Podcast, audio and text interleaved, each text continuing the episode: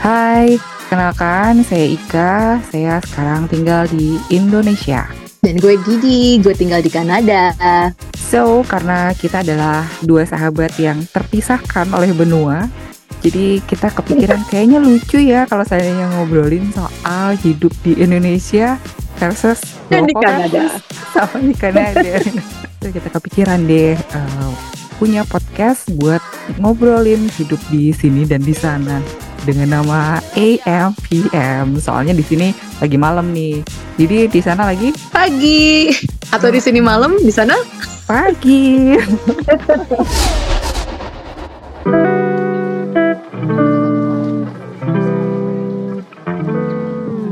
Kembali lagi bersama MPM di sini.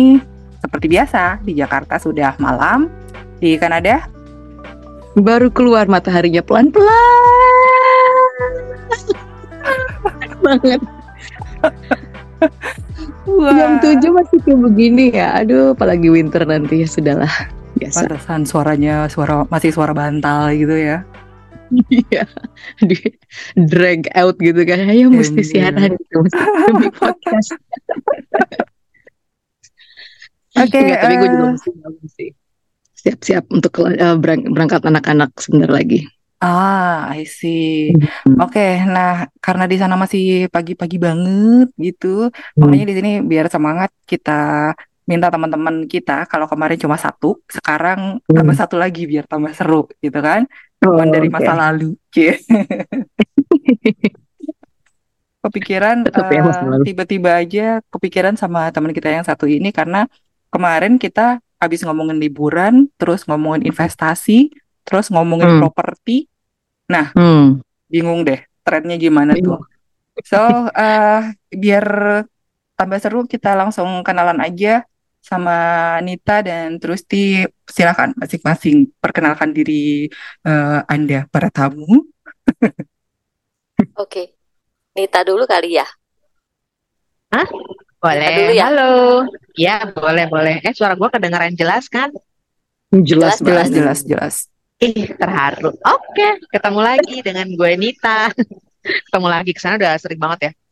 Eh, gue Nita tinggal di Bekasi, bangga sekali sama Bekasi.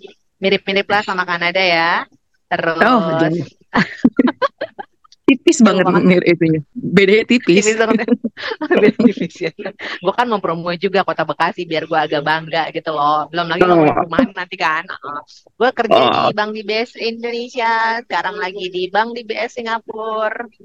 Iya. Gitu aja. Keren, keren, keren. kalau jalan-jalan sih enak ya. Iya, sering banget kayaknya Nita ya ke mana-mana ya kalau lihat Instagramnya. Tiba-tiba di New York, tiba-tiba di Singapura, tiba-tiba di mana gitu ya. Di BS nggak lagi rekrutmen, Nita. Mungkin bentar lagi mau buka di Kanada. Jadi Oh, iya. enggak, eh, enggak mantap, mantap. Enggak, enggak, enggak, enggak di Wah, kayaknya eh, langsung belanja nih Nita. Suaranya langsung hilang. Jadi mungkin Kenapa? Iya. ke apa namanya? ke Trusti dulu deh. Boleh, boleh. Gue pikir gue yang ini. Hai Kan gue pikir Lanjut. udah selesai. Udah. Oke. Kacau kan kita. Eh, silakan Mbak Uti. ya ya. Hai guys, eh, saya Trasti. Eh, saya tinggal di Bintaro, Tangerang Selatan. Eh, pekerjaan aku sekarang sih jadi agent properti aja ya udah 10 tahun ini. Wow. Aja gitu ya. Iya, Oke. Ini ini kita seru ya, ada empat orang. Eh, kita sekolahnya tempat yang sama gitu ya, cuman sekarang lokasinya berbeda-beda. Ada satu yang di Kanada, satu di Singapura, satu di Condet, satu di mana? Tangerang lo ya? satu di Tangerang Selatan. Tangerang. Iya. Seru, seru, seru. Oke, oke. Eh, sebelum kita mulai, gue boleh update dikit nggak? Boleh, boleh. Kemarin kan kita ngomong, kita sempat ngomongin ini nih, apa eh, film-film yang kita tonton di Netflix ya. Gue akhirnya berhasil dan nonton drakor gue yang pertama. Gila, achievement banget. Ore, gila gue bangga banget sama lu di nonton apa? Ah, terima kasih. Itu yang di Video Sunshine itu berhasil Oh gue. iya. Oh, Iya, sampai lima habis. menit saja. Oh lima menit doang. Dasar. Cuma bertahan lima menit. Ya Terus gue ampun. ini kayaknya film berusaha dilucu-lucuin banget atau di gimana-gimanain banget gitu ya. Nggak lucu di itu. Kayak dia trying too hard gitu. Gue bingung deh. Ini kayak nurse-nya tuh yang waktu di pertama kali dicek itu dia lihat ada ini pensilnya tajam nggak gitu kan. Terus, uh, nggak boleh. gitu. Hmm, hmm. Apa sih biasa aja kali ya kayaknya. Lebay gitu lah. Akhirnya udahlah gue nggak nggak sanggup daripada gue ngomong-ngomong sendiri ya. Ya udah daripada gue kena mental illness juga kan gue bisa ketularan kan gara-gara nonton film tentang mental illness. Yes, Tapi gue bangga banget lo bisa bertahan lima menit. Gila itu achievement banget. I know, right? I know. Makanya itu I'm yang proud worst of you. announcement banget. Pentingnya di announce. Eh terus abis itu eh, jadi jadi ingat kan, gue tetap dong dikompor-komporin eh, nonton gadis kretek, tapi belum Oh. belum nonton. Kretek. Lu Gen Z ya kak? Oh iya Kalau. Gen Z iya. Ngomongin Iya, kretek. Kalau Gen kita apa sih? Gen apa sih? Kalau Itu, kita eh, itu ini. akhir-akhir milenial. Kretek. Eh, oh, Iya, oh, bener ya. milenial. Milenial, ya kita Iya, milenial. Milenial paling Akhirnya- tua. Akhirnya gue bilang, tua. iya deh, nanti kalau seandainya hype-nya udah hilang nanti gue tonton. Belum Kalau juga loh. tahu, belum. Kalau seandainya mau tahu Ash. siapa yang ngomporin, eh, lihat podcast sebelah ya. Ada tuh di situ episode Eh, nggak boleh promosi di sini. Nggak boleh, nggak boleh. Canda, canda. Boleh, boleh. Silakan, silakan. Apalagi yang mau dijual nih? Selain podcast, apa lagi? Ayo. Ada apa, apa lagi nih? Mbak Mau Uti jualan apa? dong, Mbak Uti Terus dong. mau jualan apa? Heeh. Iya. Oh, jualan apa ya? Banyak sih yang mau dijual kalau rumah. Ya. Ntar dulu, ntar dulu. Kita, kita, kita simpan dulu suaranya. Trusti. Eh, dia manggilnya sekarang Trusty ya? Iya, Trusty. Trusty. Jangan Trusti lagi. Nggak bisa bahasa Inggris atau Iya. gimana? lo? Bahasanya Korea. Biar dipercaya. Biar dipercaya. Iya. yang dipercaya. Jadi selama lo tiga tahun kita sekolah bareng itu lo memendam rasa ini ya, lo dipanggil Trusti mulu kesel banget dong ya perasaan lo pasti. Enggak sih, emang nama Indonesianya kan begitu. Cuman ketika Heeh. bekerja ternyata kan customer pada manggilnya Trusty. Jadi ya kita ikut Oh. aja mana yang menjual kan namanya. Oh gitu, kayak gue dipanggil Jaya di Jaya. sini gue ya, gue terima siapa? aja gitu. Panggilnya siapa? Dipanggil Jaya, apa? Jaya, Daya. Eh, kece juga ya, Jaya. Jaya. gue suka nggak pernah nengok kan gue. Terus, ya Jaya gitu kan berapa kali. Oh iya, iya, gue. Terus lu lupa nama lu sendiri. Ya abis pronunciationnya Iya, Aneh gitu. pasti aneh. kan. Gue bilang dia baru, oh you beautiful name gitu kan. Kalau gue bilang dia gitu baru baru eksotik gitu. Daya tuh apa gitu nggak aneh. Deterjen. Anyways, yuk kita lanjut ngomongin tentang Gen Z yang kenapa mereka nggak mau beli rumah. Ini juga Oh iya, suatu fenomena. kemarin ya, nyambung apa namanya Uh, kemarin si Nita. Gue boleh share dikit juga di sini tuh sekarang lagi banyak yang namanya self storage. Jadi makin banyak setelah gue ke sini ya. Eh, jadi trennya itu mereka kalau sewa rumah kan mereka mesti pindah ya, belum waktunya pindah, eh, belum waktunya eh, apa next rental date-nya gitu, mereka mesti keluar dari rumah itu. Tapi eh, in the meanwhile mereka harus taruh barang-barangnya di storage ini. Nah makanya makin banyak tuh yang namanya setiap hari pasti ada aja deh yang baru dibangun self storage gitu. Eh, selain juga biasanya kantor bisa taruh barang untuk inventory mereka gitu. Nah ini gue jadi semakin mikir nih apa semakin orang yang banyak yang enggan untuk be- membeli properti selain mortgage bunga juga makin tinggi. Eh terus ya itu ada tren yang kita dengar juga yang lumayan mengejutkan bahwa mereka lebih baik nggak usah punya lah gitu. Itu bukan suatu investasi pilihan gitu untuk punya rumah. Nggak seperti zaman-zaman di atas kita gitu kan yang harus lu punya rumah gitu kan. Gimana caranya? Pas banget nih kita bintang tamunya ada satu ada yang dari bank. Ya kan? Lo kalau mau beli rumah kan ke bank dulu ya. Tanya eh duit gue cukup nggak? Gitu kan. Terus kalau bank Hmm. bilang oke duit lo cukup nih lo buat beli rumah segini. Nah ada nih realtor trustee kan di sini. Nah, satu lagi kita kalau udah punya rumah mesti punya notaris punya lawyer kan. Nah ada juga Ika. Pas kan Cocok kan. Ternyata Kali gue gue ya, gak punya role apa apa nih role gue apa nih? lu yang beli, lu yang Daya, berencana kalau mau itu dong, rencana mau investasi dan yang mau beli. Daya. Oh iya iya. atau atau ini daya kan kalau mau beli rumah tanya daya listriknya berapa daya canda Gue daya. ini daya Gue listriknya listrik ya. berapa Dadah. oh gitu Jangan ya. Makan. dilempar kopi. Lempar iya kopi nih ah, gue tangkap gue tangkap lumayan nih udah ngantuk gue Uh, jam berapa loh? Jam, jam 8 kan jam 7. jam Gimana? 8 no. jam 8 tapi kan dari pagi buta Oh, oke Anyway. oke oke.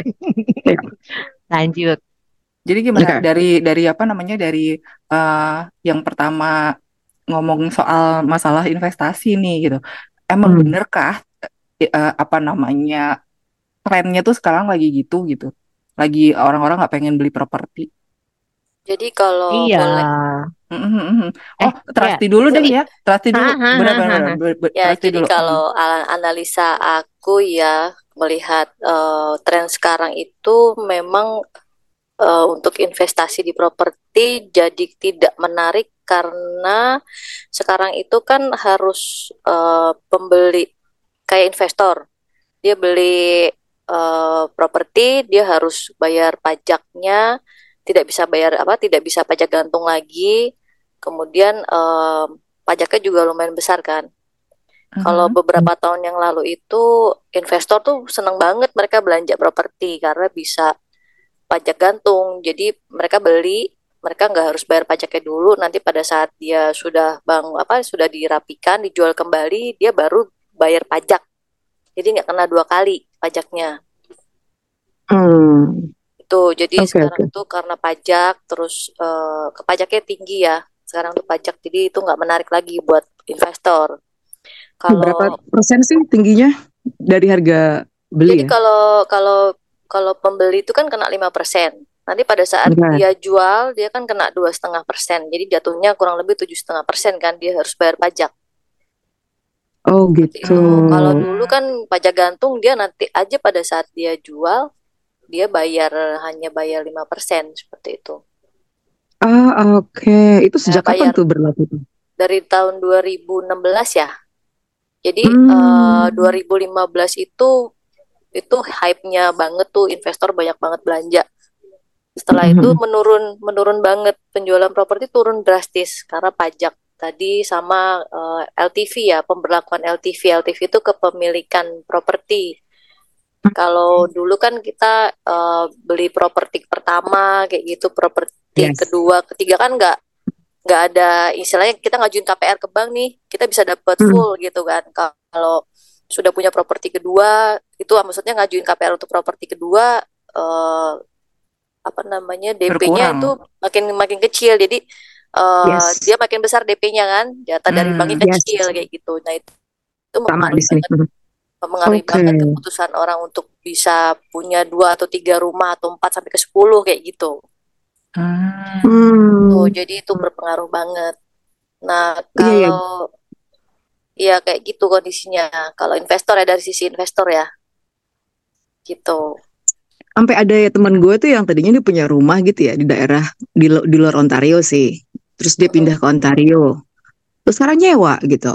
Gue pikir ya gue juga nggak tahu sih masalah eh, kehidupan dia gimana gitu. Cuma itu kayak bukan pilihan dia untuk investasi gitu. Mungkin itu salah satunya ya. Mungkin mereka udah pernah jadi pembeli keberapa gitu kan punya rumah yang keberapa terus akhirnya dijual gitu malah. Sekarang full just renting gitu.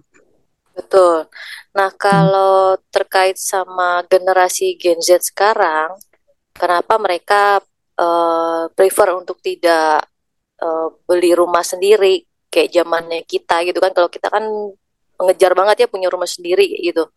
Anak-anak sekarang kan generasi sekarang nggak seperti itu karena memang pergeseran gaya hidup sih saya perhatikan itu mereka lebih seneng apa ya have fun dengan eh, bersosialisasi kayak gitu kan dengan eh, apa sih namanya gaya hidup seperti itu. Jadi untuk mikir ah investasi untuk punya rumah sendiri tuh jadi nomor sekian gitu.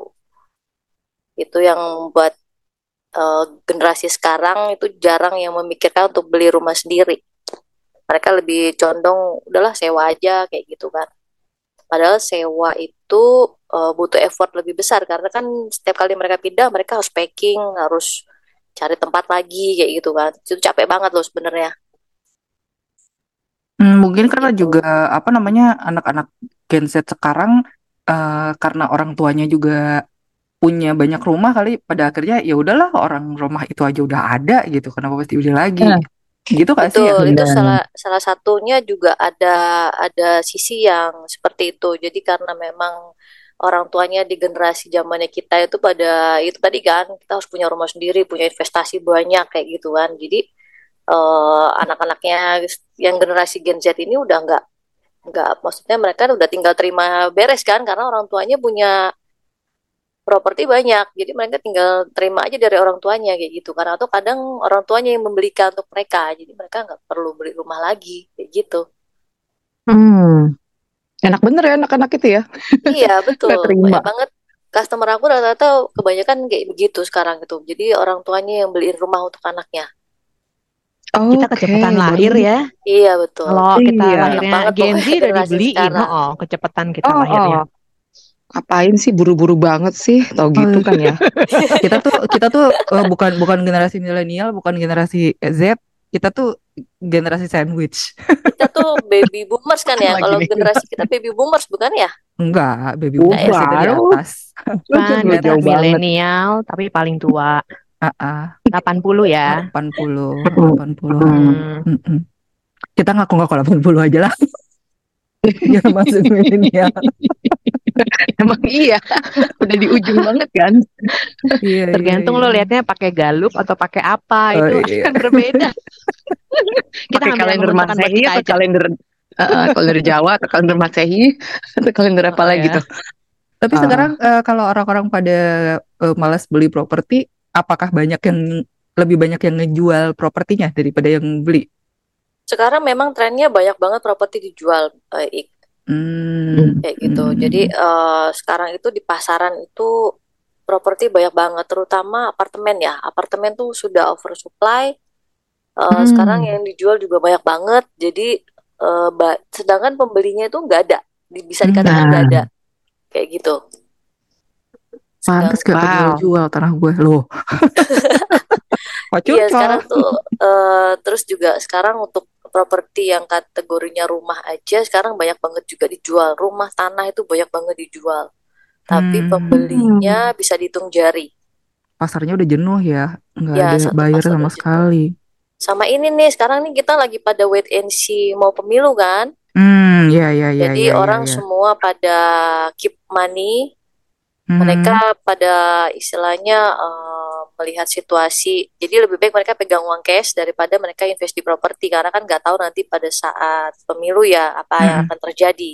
Hmm, hmm, hmm, Mereka ya berang, berha- beranggapan lebih baik pegang uang cash deh daripada nanti misalnya ada huru hara gitu kan, sedangkan uang mereka ketahan di properti kayak gitu. hmm, hmm, hmm, hmm. Seperti itu. Iya, propertinya macet juga kan. Maksudnya Iya. ya cuma ada pasar tapi nggak ada buyer gitu. Dan itu Betul. berlaku di semua daerah di Indonesia rata-rata. Rata-rata Atau seperti itu, rata-rata seperti itu. Ik. ya, isi. Dan eh, di bank itu sekarang banyak kredit macet, Hmm. banyak banget yang dilelang, banyak banget Hmm. properti yang dilelang di bank. Iya, iya, iya dampak COVID juga kali ya. Iya, jadi dampak COVID yang tiga tahun kemarin itu berasa banget sih, sudah mulai berasa banget eh, Mm-mm. setahun ini ya. Hmm, Kalau hmm, kemarin hmm, pada saat COVID orang masih sebagian masih pegang uang ya, masih Mm-mm. ada yang berani invest. hmm, hmm, hmm, hmm, hmm. Tapi begitu COVID eh, selesai, itu dampaknya baru kerasa sih, seperti itu. Hmm, Oke. Tapi nggak tahu ya kalau di luar negeri ya, di Kanada seperti apa tuh di properti Sama ya? sih, sama sih kayak lagi lesu banget banyak orang yang jual. Jadi sempat beberapa tahun belakangan justru ini baru tahun ini aja nih agak-agak mereda ya. Tahun belakangan tuh harga properti gila-gilaan sampai wah karena mereka uh, oportunis kan para penjual tuh tahu ini lagi uh, orang lagi uh, ya mungkin ba- bagian dari dampak COVID ya mereka pengen punya control over something gitu ya. Jadi mereka beli properti gitu justru banyak banget terus banyak yang beli terus karena supply and demand ya jadi jual harganya luar biasa. Ini baru agak mulai mereda. Sampai ya pokoknya kalau daerah gue itu kan kayak GTA gitu Greater Toronto Area tuh kayak DKI Jakarta gitu ya. Termasuk yang harganya udah deh gue nggak tahu lagi. Kayaknya ke gaji gue cuma buat nyewa gitu buat cuma buat bay- bayar properti gitu. Saking mahalnya gitu. Oh, oke. Kayaknya jadi gue pengen di punya go ahead kalau di sini eh, justru yang terjual itu kan banyak banget ya memang yang sekarang properti di, di- tetap Hmm, dijual dengan harga pasaran. Tapi justru yang hmm, yang bisa terjual itu yang harganya di bawah pasar.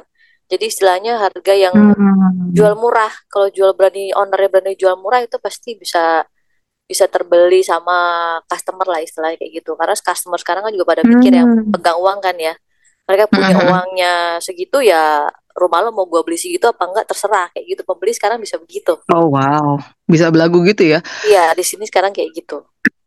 Sini masih enggak sih, masih gue perhatiin tuh harga selling price-nya enggak terlalu jauh. Kadang emang ada di bawah gitu ya, tergantung kan banyak banget kan di listnya di MLS-nya kan gue sekarang kan suka lihat juga iseng-iseng gitu.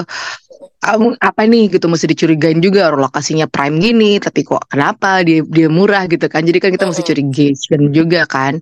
Bahkan tapi kalau eh, udah mulai di bawah harga sekarang udah mulai. Kalau yang beberapa tahun belakangan itu semuanya above asking price banget, bisa dua kali lipat. Makanya eh, mungkin udah mulai orang mikir juga ya ngapain sih gue kayak kayak nggak jelas gitu beli properti gitu ya. ya tapi ya itu seiring dengan eh, eh, harga apa mortgage rate naik ya udah orang-orang mulai bingung lagi kan mau beli rumah gitu. Nah, ini kayaknya salahnya eh, orang bank nih ya ngapain sih ini dinaik-naikin terus mortgage rate itu. Karena udah turun bunga sebenarnya di Oh, Indonesia turun. sebenarnya, Enggak, eh, eh, udah turun ya Dit ya? Udah turun kan ya bunga ya karena KPR. kami bankers butuh bonus. Iya, aku tiap hari dikejar-kejar sama sama marketing KPR soalnya. Mereka Oh juga ya, ternyata butuh makan ternyata. iya, begitulah. Tapi sebenarnya bunga Iya. naik turun itu nggak, kalau dari sisi customer ya, mereka hanya Hmm. melihatnya kayak gue tuh cicilannya berapa sebulan, bisa nggak gue Ya, betul. penuhin kayak gitu-gitu.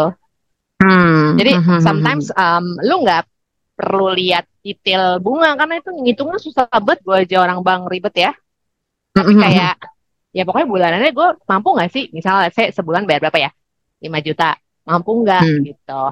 Jadi the way we communicate to customer tuh jadinya sekarang nggak lagi bunga gitu, tapi sebulannya lu bakal bayar segini. Kalau DP-nya dinaikin lu bakal lebih rendah, lalala lalala gitu.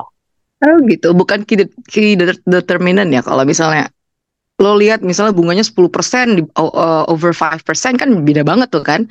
Kayak masih di sini sih kayak masih highlights gitu loh. Ah ini bunga lagi turun, lo mesti beli gini gini gini gitu. Kan bedanya jauh tuh kalau Um, misalnya 50% lo cicilannya 5 juta, kalau 5% lo cicilannya don't know 3 juta gitu. mm, mm, Nggak, nggak gitu mm, ya. mm, mm.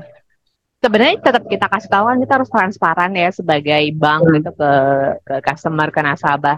Tapi kadang Hmm. cara perhitungannya itu susah. Jadi nggak bisa sekedar let's say lu beli rumah satu miliar, terus Hmm. bunganya let's say 7% per um, tahun, terus lo kali aja gitu satu miliar kali 7% kali let's say lu bayarnya lima, eh, utangnya 15 tahun, dikurangin DP, udah tinggal dibagi aja per bulan gitu. Misalnya lo 15 tahun bayarnya per bulannya 5 juta.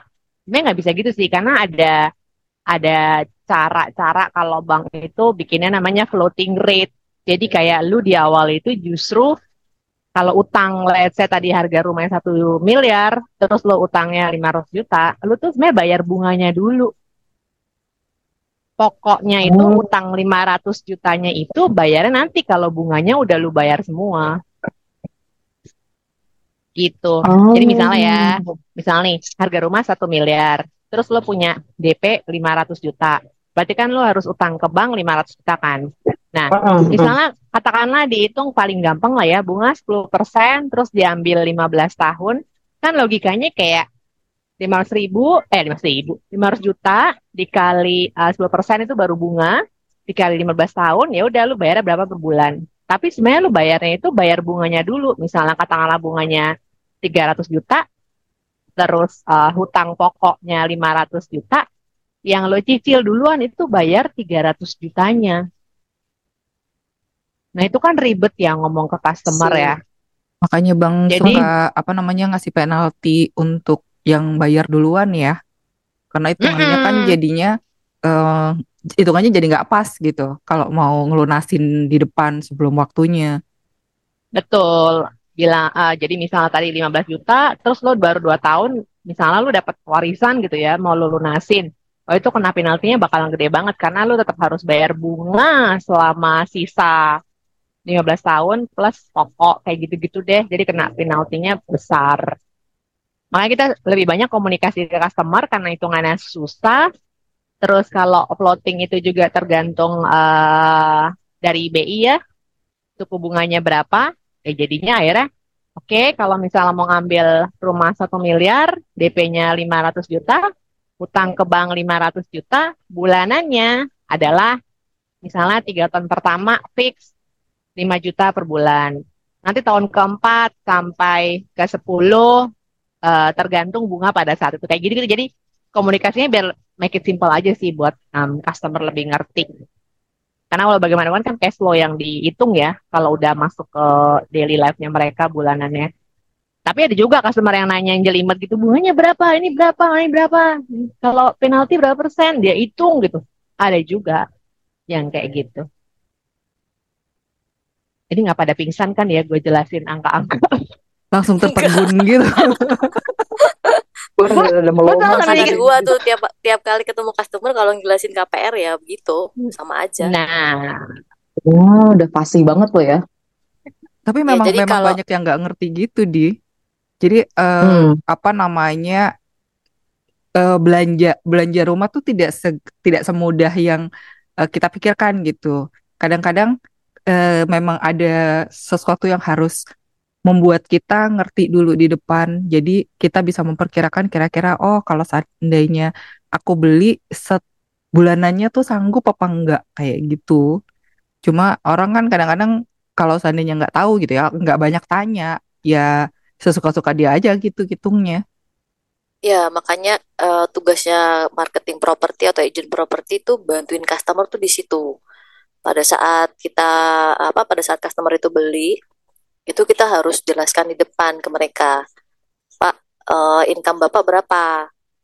Nanti baru kita bantu hitung tuh uh, cicilan KPR-nya kira-kira per bulan kena berapa kayak gitu. Dia harus siapin DP untuk beli rumah itu berapa.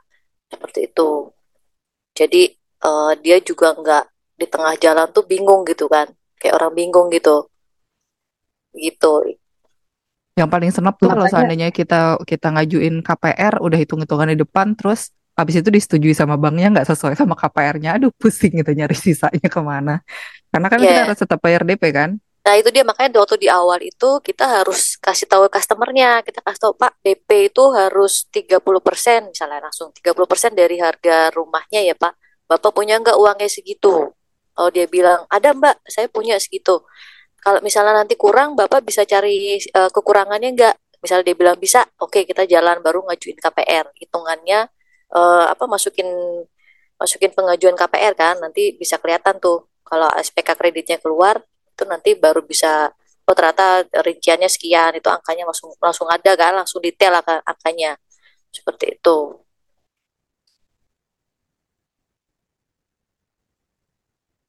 Terus langsung diem Iya, jadi kalau beli rumah itu sebenarnya nggak susah-susah juga sih, tergantung uh, komunikasinya aja, customernya itu ke agentnya atau ke pihak marketing banknya ya, kayak gitu. Ini dia tuh lagi pada ada. ngitung, gitu. Nah, jangan dihitung.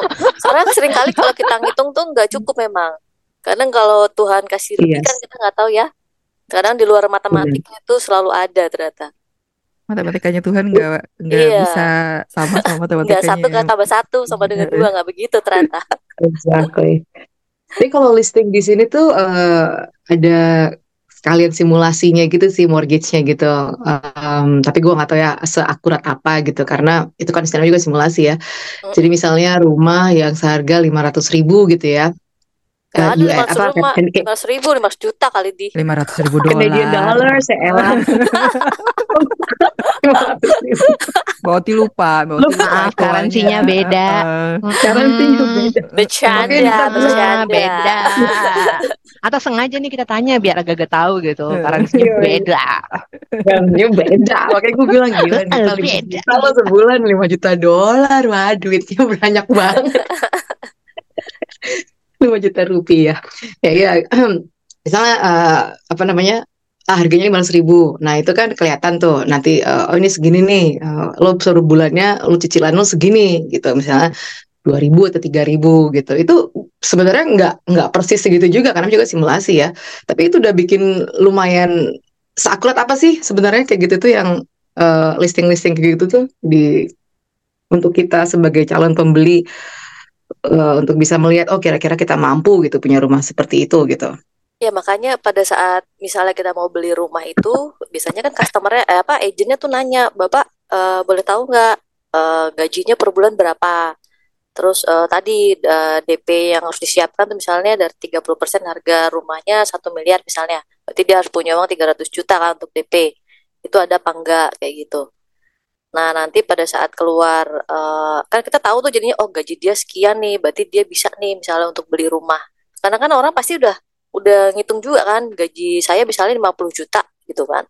Kalau misalnya saya beli rumah harga harga harga 1 M bisa lah bayar cicilannya karena kan ngitungnya sepertiga dari gaji kan. Kayak gitu. Bayar cicilannya di. Oke, di berarti sini- termasuk Kalau di sini begitu. ya. Iya, itu Hmm. eh, simulasi itu ya kurang lebih eh, bisa dipertanggungjawabkan lah kayak gitu. oke oke oke. Sip, sip. Cuma kadang-kadang yang lupa tuh pas lagi eh, yang lupa dihitung kadang-kadang tuh biaya biaya lain-lainnya macam kayak eh, biaya notaris, biaya apa-apa gitu. Karena gue pengalaman terakhir nih yang KPR rumah em, waktu itu KPR-nya berapa tahun ya gue rada-rada lupa. Cuma yang jelas rumah itu eh, eh, melampaui hak guna bangunan. Jadi eh, begitu apa begitu eh, selesai si KPR itu sertifikatnya harusnya HM gitu kan. Nah, awal kan kita pengikatan jual belinya eh, HGB kan, pengikatan HGB gitu. Terus nanti terakhir-terakhir gimana gitu. Ya, cuma masalahnya karena tahu kan ya, terus kita tanya gitu. Ini akan ada biaya enggak? Oh, oh iya, bener-bener bener ada nih katanya gitu. Ya, Berarti marketingnya aja. salah tuh dia. Marketingnya nggak ngasih tahu, harusnya di depan ngasih tahu. Nah, harusnya kan kayak gitu. Cuma Iya, kadang-kadang marketing harus ya itu. tahu di depan. kita Jadi se- juga juga harus harus tahu mana marketing yang pinter mana yang enggak gitu karena kan macem-macem soalnya harusnya marketing itu biasanya kalau dia eh, profesional ya, dia di depan udah harus jelaskan ke customernya, Pak, nanti ini eh, pada saat PBJB Bapak terima suratnya HGB. Bapak mau ningkat mau, mau ditingkatkan nggak nanti pada saat serah terima ke SAM? Kalau serah terima eh, mau ditingkatkan ke SAM, biasanya notaris itu akan ngecas untuk eh, eh, peningkatan hak. Ada biayanya lagi.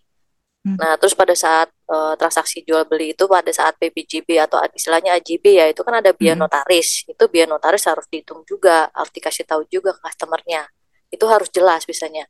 Karena biasanya kalau yang eh, produk primary ya, primary itu rumah dari developer, rumah baru dari developer.